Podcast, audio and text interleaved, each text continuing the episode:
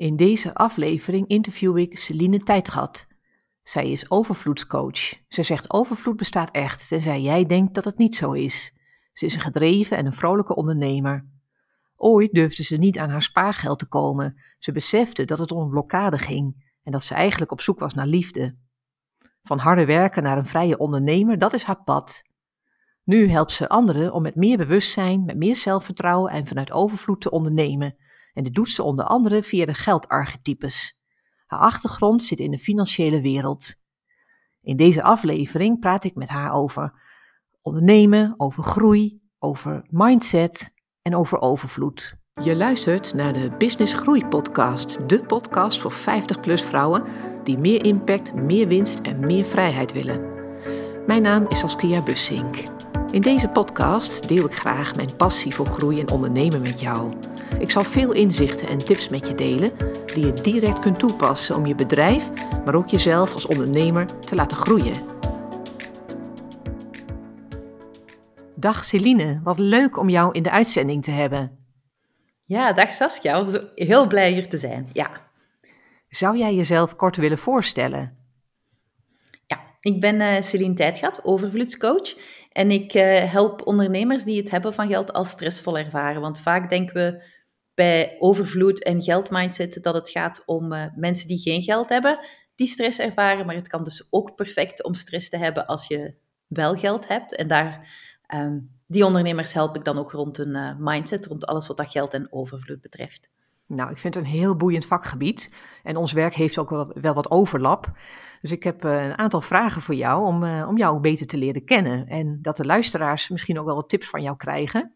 Om hun eigen pad van overvloed meer toe te laten. Dus ik ben heel benieuwd, hoe is jouw pad van ondernemen? Hoe is dat gestart en hoe is dat zo'n beetje gegaan? Ik ben uh, gestart in 2016. Um, maar ik was toen, ja, um, als Excel-consultant gestart, omdat ik heel erg in de cijfers bezig was in mijn vorige jobs. En, maar ik merkte dat er iets miste. En na veel coaching ben ik dan uiteindelijk, heb ik dan gemerkt dat, dat ik heel erg vast zat rond geld. Dus uh, vanaf dat je als ondernemer start, word je daar heel erg mee geconfronteerd. Want je moet prijzen vragen, je moet je cashflow beheren. Er is zoveel dat bij komt kijken met die cijfers. Veel meer dan puur de getalletjes, maar ook al je gedachten daar rond dat ik uh, dan uiteindelijk besloten heb om mij daarop te focussen, eigenlijk op die mindset van waarom laten we ons blokkeren door onze stemmetjes als het over geld gaat. Ja, heel herkenbaar. En, en hoe is dat bij jou dan ontstaan dat je, uh, ja, dat, je, dat, je een, dat je dat dit pad op bent gegaan? Want jij komt uit een hele andere hoek, je komt uit een rationele hoek. Dus um, ja, als we als ondernemer, als we afstuderen, ik had economie gedaan, dan uh, starten ja, wat werd er verondersteld dat je start als ondernemer. Wat ik uh, altijd wel een beetje jammer vind. Van, vooral als economie wordt dan getraind in alle aspecten van het ondernemerschap. En toch ging iedereen starten als werknemer. Het werd precies alleen maar als een vakje om dat te doen binnen een grote onderneming of zo. Dus uh, nee, inderdaad. Dan ben ik dat pad opgegaan hè, als uh, boekhouder, uh, analist. Um, heel veel met cijfertjes bezig geweest. Maar dan kreeg ik een burn-out. Ik denk dat wel velen dat herkennen. Is van je zit in een bepaald pad. En dan bot je tegen de muur van het, het klopt niet wat dat je doet. En dan heb ik mijn, uh, mijn gevoelskant leren kennen van ja, al die stemmetjes die er in je rondgaan. Van ik wilde een prijs vragen, maar dan komt dat van ja, maar ben ik dat wel waard? En is dat wel goed genoeg? En uh, ja, dat, dat gaat toch niet goed genoeg zijn. Ik zal wat minder vragen. Ehm, al die dingen. En ja, doordat ik daar zelf in vast zat, heb ik heb ik besloten, heb ik dus zelf heel veel onderzoek gedaan om te zien van wat kan ik eraan doen dat die stemmetjes mij niet meer gaan tegenhouden. Dus hoe zorg ik dat ik uh, wel goed mijn prijs kan vragen met zelfvertrouwen en hoe kan ik zelf zien dat mijn cashflow in orde is? Want het is niet alleen genoeg om te verdienen, maar je moet ook zorgen dat je genoeg geld bijhoudt voor uh, verder te kunnen groeien en te investeren. En um, ja, ook op privévlak uh, merkte ik dat ik heel erg rond geld vastzet. Van ik, ik voelde ik had dan wel spaargeld en dan leek het voor de wereld alsof dat super gemakkelijk was voor mij. Want ja, ik had wel wat spaargeld, ik moest niet direct geld beginnen te verdienen. Het, was niet erg als dat wat langer duurde of zo, maar dat voelde voor mij eigenlijk helemaal niet goed. Want het is, ik was bang van dat geld kwijt te raken. En uh, ik wilde ook dat dat geld zou kunnen groeien. Maar ik voelde mij altijd zo een beetje dom met geld. Van, ik weet helemaal niks van hoe dat je geld laat groeien. En met een bankier gaan praten, oh my god, die gaat denken dat ik, dat ehm, zo'n dom klein meisje ben, bij wijze van spreken. Ehm, dat klinkt nu belachelijk als ik dat nu zeg, maar dat voelde echt zo eng om met iemand te gaan praten, om ehm, vragen te stellen van hoe werkt dat nu precies? En wie is er veilig? Hè? Want ik had altijd gedacht van ja, als ik ga zeggen wat ik heb, dan gaan ze mij in het zak zetten. Dus ja, jullie kennen die, onder, die uitspraak die in Nederland, maar dat is zo ja, dat ze je gaan oplichten. Um, omdat ja, je weet er niks van en je wilt wel iets doen met je geld, maar ja, dan, dan staat de poort open om te zeggen van kom mijn geld maar afpakken, bij wijze van spreken. En ja, daar had ik natuurlijk heel veel schrik voor. Had heel veel angst rond geld eigenlijk. Ja, en wat is dan het, ja, het, het moment geweest dat je voelde dat je die angsten had losgelaten? Wat, wat weet je dat moment nog? Ja, um, ik was, ja, zoals ik zei, ik was heel rationeel bezig. En, maar ik merkte wel dat, dat mijn gevoelskant een beetje ontbrak binnen het ondernemen. En ja, je bent ook heel veel bezig met mindset als ondernemer, want je kan niet meer groeien met je onderneming dan dat je zelf groeit. En uh, ik was een coach tegengekomen die heel spiritueel bezig was. Met engelen en vorige levens en echt alles wat je maar wilt rond spiritualiteit. En dat was gek, want ik had altijd geleerd dat dat, uh, dat, dat helemaal niet waar was. En toen ik haar hoorde praten, dacht ik van... Dat klopt allemaal. Ik heb er geen bewijs voor, maar het klopt wel helemaal met hoe dat ik de wereld zie of zoiets. Um, en ja, het fascineerde mij. En dan heb ik ook zo eens een, ehm, een systeemopstelling gedaan. En dat was dan met mijn ouders en mijn onderneming en mijn partner. En daar was echt zo de, de finale knop voor mij van... Ik zit daar zo vast in, omwille van overtuigingen. Eerder van, ik wil de liefde, geen geld. Terwijl dat, dat eigenlijk ook een manier is van liefde tonen. Ik heb nooit iets tekort gehad. Maar toch dacht ik dat ik tekort had. En uh, ik had dan ook, het was wel, ik vind het nog altijd grappig als ik eraan terugdenk. Mijn coach was op dat moment enorm aan het groeien. Maar zij had geen kennis van, van financiële zaken, of toch heel weinig. En uh, ik wist dat ze, ja, dat, dat ze zocht van wat dat ze kon doen met, met geld dat ze aan te verdienen was. En ik dacht van, weet je, ik ga er eens een mailtje sturen. Ik had een mailtje gestuurd van, ga eens naar die bank gaan horen, want die bank is beter dan die, want ja, en daar kan je misschien ook beter beleggen, want in die bank zou ik dat niet vertrouwen en misschien kan je het beter daar doen. En zo wat kleine dingen dat ik opgepakt heb in de loop van mijn leven eigenlijk. En ja, met, uh, met dat financiële mij wel aantrok, had ik dat allemaal geabsorbeerd. Hè. En um, ik dacht van, goh, wat heb ik nu voor een stomme mail gestuurd? Die gaan mij uitlachen, hè, alsof dat ze niet zelf slim genoeg is om daarmee om te gaan. En um, toen ik haar de volgende keer zag, zei ze van, oh, maar dat was echt zo'n keigoeie mail. Ik ben zo blij dat je dat gestuurd hebt. En ze was direct in actie geschoten en ze was zo blij dat ze veranderd was van bank, want daar kreeg ze tenminste antwoord van die nieuwe bank op haar vragen. Dus um, dat was zo van, ja, ik kan het mindset gedeelte, ben ik enorm in gegroeid en veel geleerd. En dan ook het praktische van, hoe ga je naar banken en zo en waar moet je mee rekening houden. Ja, dus je hebt echt een hele reis gemaakt, Celine. Ja, klopt. Ja, wat mooi en wat, wat, eh, wat fijn ook dat je deelt met ons. Want dat is, ik denk dat heel veel luisteraars zich hier, hier wel in herkennen. Dat je vanuit huis geprezen werd om, om, om je slimheid, om je, nou, dat je kon studeren en dat je, nou ja, dat je daar goed in was. En dat dat een hele mooie kant ook is. Alleen dat later bij jou die balans veel meer ook naar de gevoelskant is gegaan. Althans, dat er een balans tussen die twee is gekomen. Dat geeft jou eigenlijk de echte rijkdom. Klopt dat? Ja, dat klopt. Eh, we kunnen gewoon die twee werelden horen gewoon samen, het rationele en het gevoelsmatige. En dat wordt in onze maatschappij nog heel veel minder, als minderwaardig beschouwd. Hè? Dus ik ben wel blij, er is een shift aan het gebeuren, dat merk je. Er zijn meer en meer mensen bezig met dat gevoelsmatige, maar die hebben dan vaak minder gevoel met het rationele, met de, cijfer, uh, met de cijfers ervan. En dan is het mooi dat ik die brug kan slaan eigenlijk daar, ja, want wie zijn jouw klanten? Waar werk jij het, uh, het, het liefst mee? Mijn klanten zijn vooral dienstverleners. Um, die merken van, ja, er is... Uh, ja, ze hebben geen... Als je zo producten aankoopt, dan krijg je van de leverancier vaak een aanbevolen aankoop, uh, verkoopprijs. En dan denk ik dat die prijszetting misschien minder een issue is. Maar um, voor dienstverleners, en vooral als het gaat over coaches die, of uh, mensen die massages geven, healers, en, um, die hebben heel vaak een laag zelfbeeld. Allee, lage zelfwaarde. Niet daarom een laag zelfbeeld, maar gewoon van, dat is niet veel waard. En ik kan daar niet veel, niet veel voor vragen. Of dat zou gratis moeten zijn, want het is, het is uh, mijn gevoel maar. Het is zo een heel ander soort dienst dan, dan producten... Een heel ander soort ondernemen als producten verkopen. En um, ja, dus de meeste van mijn klanten zijn vrouwen die, die ja, merken dat ze vastzitten rond geld, rond het feit dat ze er hebben, maar ook hoe er meer van te verdienen.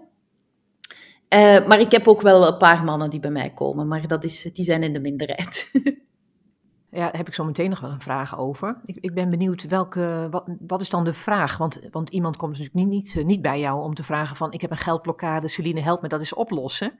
Die vraag, er ligt vaak een vraag voor. Wat is dan het meeste wat ze aan jou vragen? Wel, ik vind eigenlijk, ik zat ook in het begin te denken eens van ja, met welke vraag komen mensen bij mij? Want dat is zo wat je als ondernemer wel ook moet doen. Hè, van waar, en ook praktisch, van waarop zoeken ze op Google en zo van die dingen. En ik merk eigenlijk heel vaak dat mensen niet bewust zijn van die blokkades, totdat ze per toeval op mij ergens, mij ergens tegenkomen. Op Facebook of in de podcast, of dat ze met iemand praten.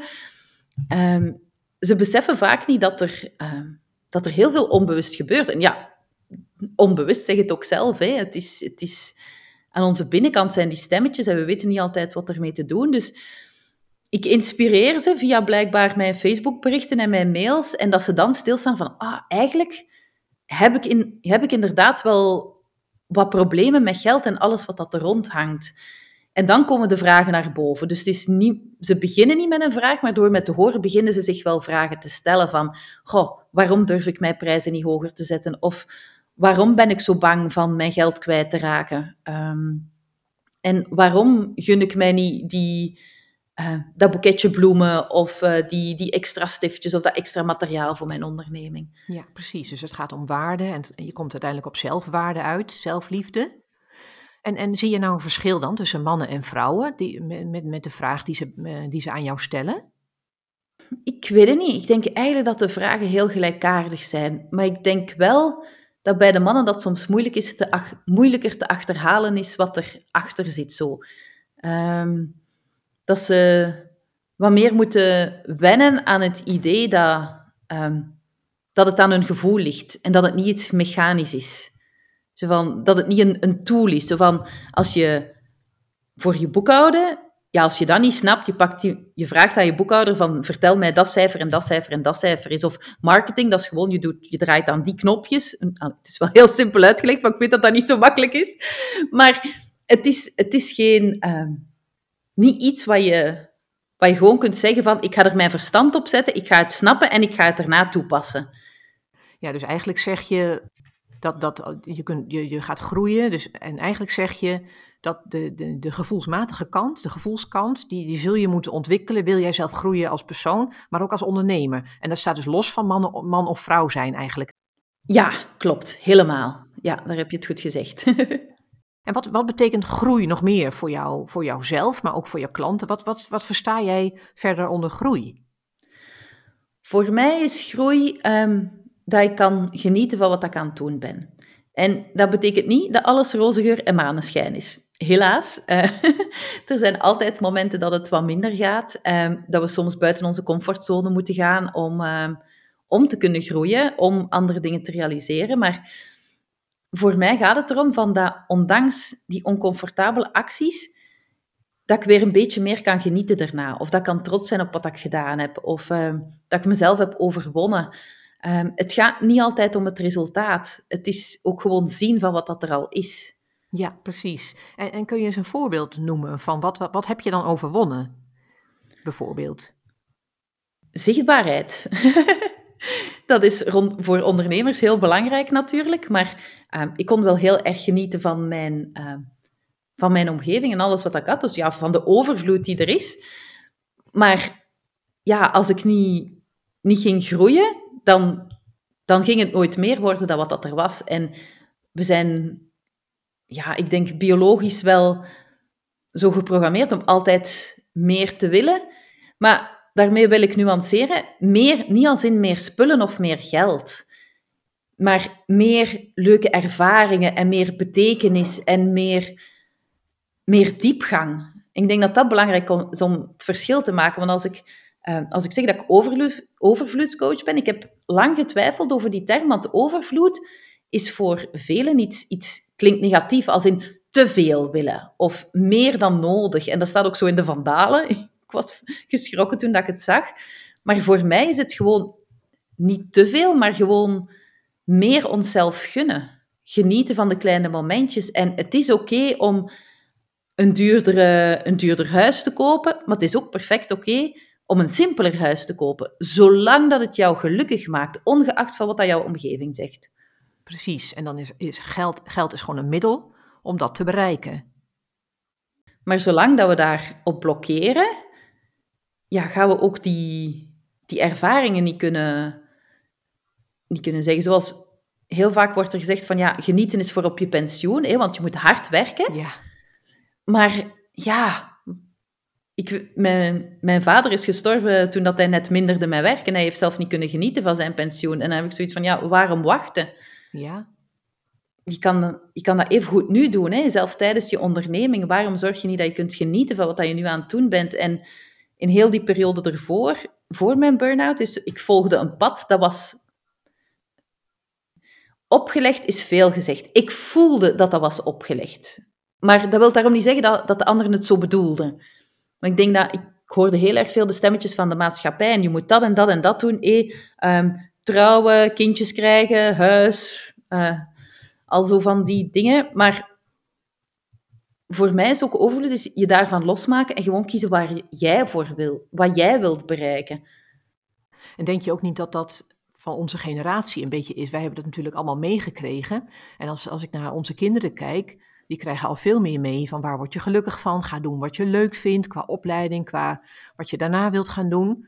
Daar zit veel tussen, maar dat is, misschien is het ook weer mijn perceptie. Heb jij ook het idee dat daar een verschil in zit in, in, in, ja, in generatie, zeg maar, hoe wij zijn opgevoed en hoe onze kinderen opgevoed worden? Heel zeker, helemaal mee akkoord. Um, je kan ook gewoon kijken naar de scholen. Hè. Vroeger was dat gewoon bij ons van, um, je moest gewoon luisteren naar de meester of de juf en daar stopte het.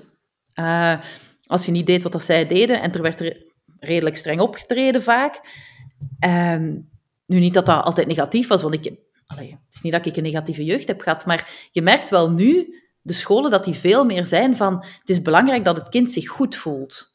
Terwijl dat vroeger werd daar minder van gekeken. Vroeger bleef je veel vaker een jaar overdoen, omdat gewoon gekeken werd van, wat is jouw score? En als die score niet genoeg is, dan, dan blijf je achter. Terwijl nu is het meer van, hoe kunnen we zorgen dat ze toch gemotiveerd blijven om verder te doen? En dat vind ik een heel mooie evolutie.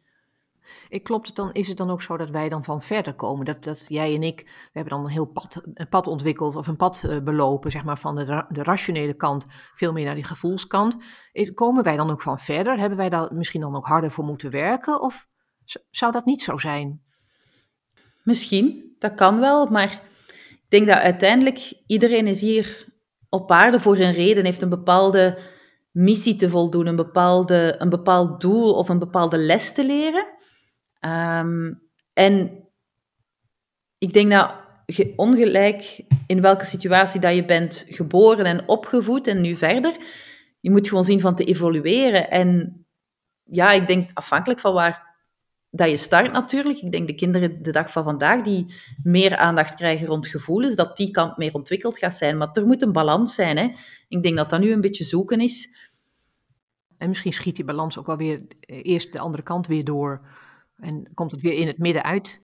Ja, dat het te veel gaat over de gevoelskant en dat het dat, dat weer die, die kant helemaal opslaat, inderdaad. Ja, ik denk dat het gewoon een proces is van uh, leren, hè, van vallen en opstaan, van te zien van je probeert dat en um, je hoort soms wel zo van ja, maar er wordt te veel aandacht gegeven aan het welbevinden en geen aandacht meer aan de cijfers. Ja, dat is ook niet goed. Het is, alleen de cijfer niet, is, ze moeten kunnen leren en ze moeten ze moeten bereid zijn om te groeien. En ik denk dat dat belangrijk is, dat je daar een goede bodem geeft. En ja, dan kunnen zij misschien wel verder geraken. Maar ik denk dat dat de evolutie is van elke generatie. Hè? Dat we een beetje verder geraken dan de generatie voor ons. Ik denk dat dat eigenlijk al een uh, eeuwenoud, eeuwenoude traditie is, bij wijze van spreken. Ja. Ja, die herken ik wel inderdaad. Ja, en als nou ehm, de luisteraar dit hoort en denkt, nou, ik herken er wel wat van, uh, qua misschien wel denken in tekorten, in uh, geld niet uit durven geven of het spaargeld ja, krampachtig bewaren.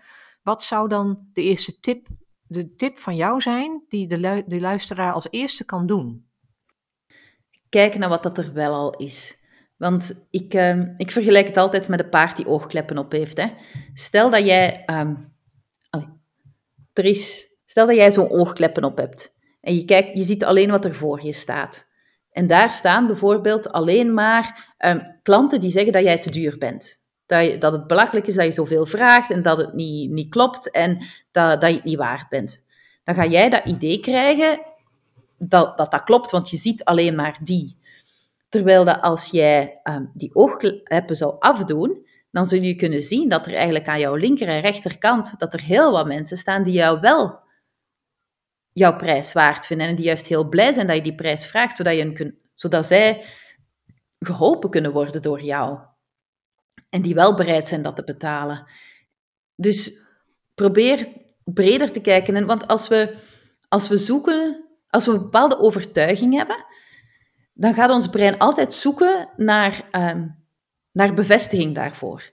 En ik, heb, ik had dat vroeger heel erg. Ik had een gesprek met iemand en dat leek een heel leuk gesprek, maar achteraf ging dat tien keer door mijn hoofd aan om te zoeken naar een bewijs dat ik, dat ik niet goed genoeg was.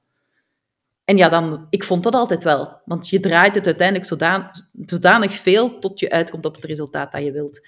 Dus probeer dat eens los te laten en denk van, wat als dat niet zo waar zou zijn? Ja, dat is een hele mooie. En dan, dan, dat roept ook bij mij op dat, uh, dat we soms nog te veel letten op concurrenten, zover ze al bestaan. Maar dat we in ieder geval letten op wat anderen doen in ons vakgebied. En dan kijken, oh, die vraagt die prijs. En zeg tegen mijn klanten ook altijd van stop daarmee. Is niet, je hoeft daar ook geen oogkleppen voor te hebben om, om mensen dan helemaal niet uh, in je omgeving helemaal niet te zien. Maar let nou eens niet te veel op wat een ander doet, want dat is helemaal niet zo relevant voor jou, voor jouw business. Klopt. En ik zie dat ook vaak dat, dat ze zeggen van ja, maar die vraagt zoveel, dus ik mag niet meer vragen. Maar die ander heeft ook geldblokkades. Die, e, die ander kan ook een heel andere structuur hebben qua prijs. Bijvoorbeeld, je hebt, uh, als je nu gewoon al naar kledingwinkels bekijkt, iemand doet het in zijn eigen huis helemaal alleen zonder personeel, ten opzichte van iemand die in uh, een drukke winkelstraat ligt en vijf, per, man personeel heeft in die winkel. Ja, tuurlijk moeten die prijzen, die marges wat hoger liggen voor dat te kunnen compenseren. Dus vergelijk je niet met een ander, want die heeft een andere energie, een andere invalshoek en iedereen is uniek en heeft een enorme meerwaarde. Dus eigenlijk is de boodschap die je geeft, ga in je eigen uniekheid staan. Want dat betekent dat je daardoor ook de klanten naar je toe trekt die bij jou passen en ook en bij jouw energie passen.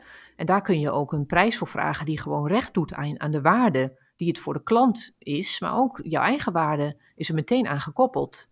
Ja, klopt. Want stel dat jij jou vergelijkt met iemand die zichzelf maar 20 euro per uur waard vindt, ja, dat wil niet zeggen dat jij 20 euro per uur moet vragen. Jij bent misschien 100 euro per uur waard, gewoon omdat je, ja, wat dat je doorgeeft aan je klanten. En die andere is dat misschien ook waard, maar die durft het misschien niet te vragen. En dat zie je niet als je gewoon vergelijkt met je concurrenten. Dat klopt, ja. Ja, en heb je ook, dus dat is dan uh, mijn ervaring, dat als je goede prijzen vraagt, krijg je inderdaad ander, een ander type klant. Maar is het ook op een of andere manier gemakkelijker verkopen, omdat die klant die dat betaalt en die daar geen, zelf geen blokkade op heeft en het normaal vindt wat je vraagt, diegene ziet de waarde daar makkelijker van in. Herken je dat in jouw business ook? Ja, ik denk zeker dat dat zo is. Ehm, als je de ene korting naar de andere geeft of altijd zo laag mogelijk gaat in prijs, dan krijg je de, de koopjesjagers en die zijn daarom niet altijd de beste klanten. Ik denk dat het juist een heel mooie les is naar ik geloof ook altijd van um, die grenzen te zetten voor jezelf. Van als jij de prijs zet die jij waard bent, dan verplicht je de anderen ook om. Dus als zij echt bij jou die dienst willen aankopen, van die prijs te betalen, dat is misschien een drempel voor hun, maar ook dat is een les. En dat is ook de waarde die zij aan zichzelf geven. Zijn zij bereid dat, dat bedrag voor hun eigen groei neer te leggen? Als zij, zich, als zij maar bereid zijn 50 euro te betalen, ja, dan is daar ook nog veel groei van. Waarom gunnen zij zichzelf niet meer dan dat? Dus jij moet daarom niet tegemoetkomen en zeggen van oké, ik zal mijn prijs verlagen voor jou. Nee, precies. En iemand, het klinkt dan raar, en dat, dat, dat, uh, ik heb, toen ik dat een tijdje geleden voor het eerst hoorde, van ze moeten ook een klein beetje pijn voelen bij het uh, uitgeven van het geld aan jou. En toen, toen kwam ik mijn eigen blokkade ook weer tegen, zo van, is dat echt waar? En het klopt, sinds ik, sinds ik dat stukje ben gaan doen, merk ik ook dat uh, de klant, ik heb gewoon meer resultaat. Althans, laat ik het zo zeggen, de klant heeft ook een beter resultaat. Daardoor, want zij voelen een klein stukje pijn van, oké, ik heb dit te investeren, ik heb dit te doen, want ik heb uh, nou ja, iets op te lossen en te groeien. En, uh, maar zij komen snel ja, zelf meer in beweging. De, de, het commitment is ook gewoon hoger dan als het iets is van een tientje, bij wijze van spreken. En ze denken, nou ja, als ik het vandaag niet doe, doe ik het morgen wel. Maar juist door een goed bedrag te betalen, komen ze ook veel meer in actie en is het resultaat gewoon veel, veel, veel beter. Ja, klopt. Zit inderdaad in die commitment. Hè. Als zij bijvoorbeeld maar, stel een challenge gedaan hebben voor 25 euro. Ik heb er zo onlangs in zien passeren voor een heel jaar 25 euro.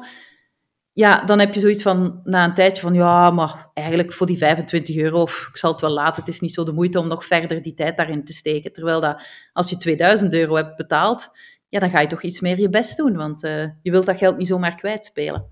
Ja, dus het gaat twee kanten op. Je, je, zo, zo kijk jij naar je klanten, maar zo ben je ook als, uh, ja, als iemand die het koopt, ben je, kijk je net zo als ik. Dat is wel grappig. En wie zijn nou mensen door, wie jij je laat inspireren, Celine? Wat zijn de grote mensen der aarde, of de kleine mensen, dat kan ook, maar door wie laat jij je inspireren?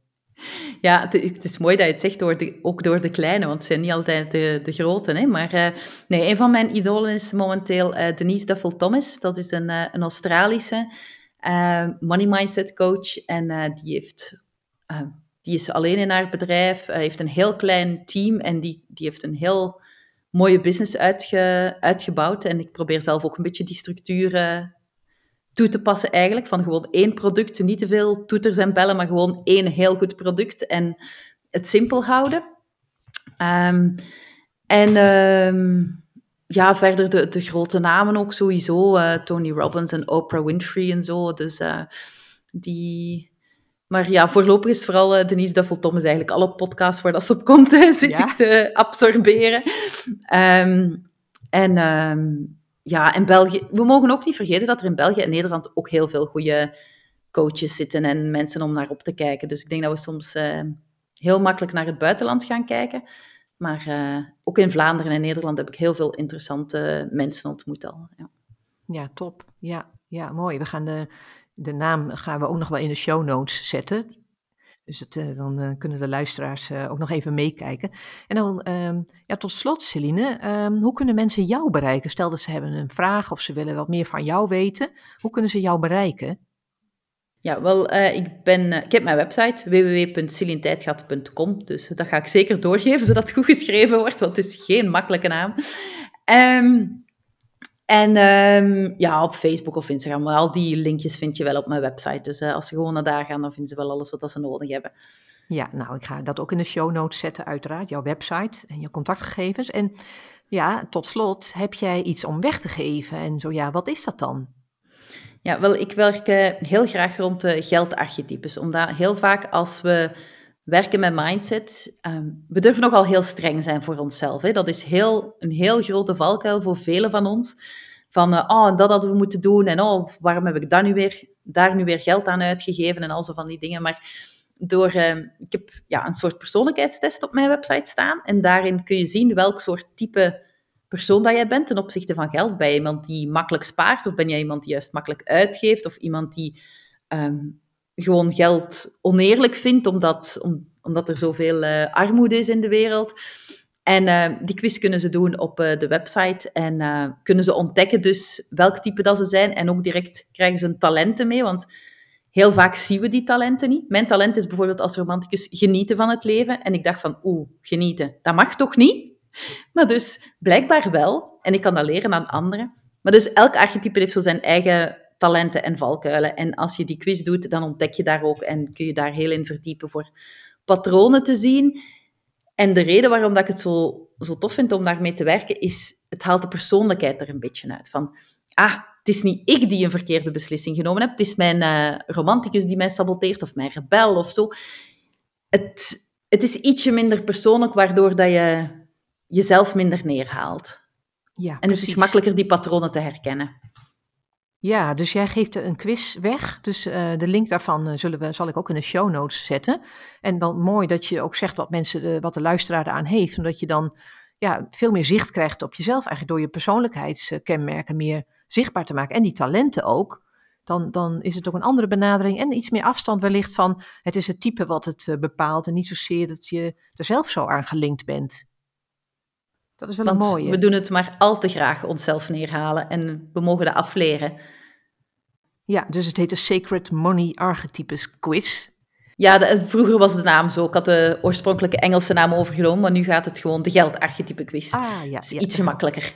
Ja, helemaal goed. Dus ik ga de link inderdaad in de show notes zetten. En heb jij nog iets tot slot? Zijn we nog iets, ben ik nog iets vergeten te vragen? Heb je nog iets toe te voegen, Celine?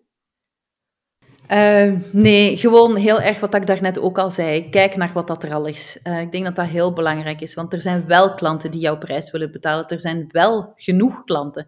Um, je hebt wel waarde te geven. En um, er zijn al heel veel dingen in jouw leven die wel al overvloedig aanwezig zijn.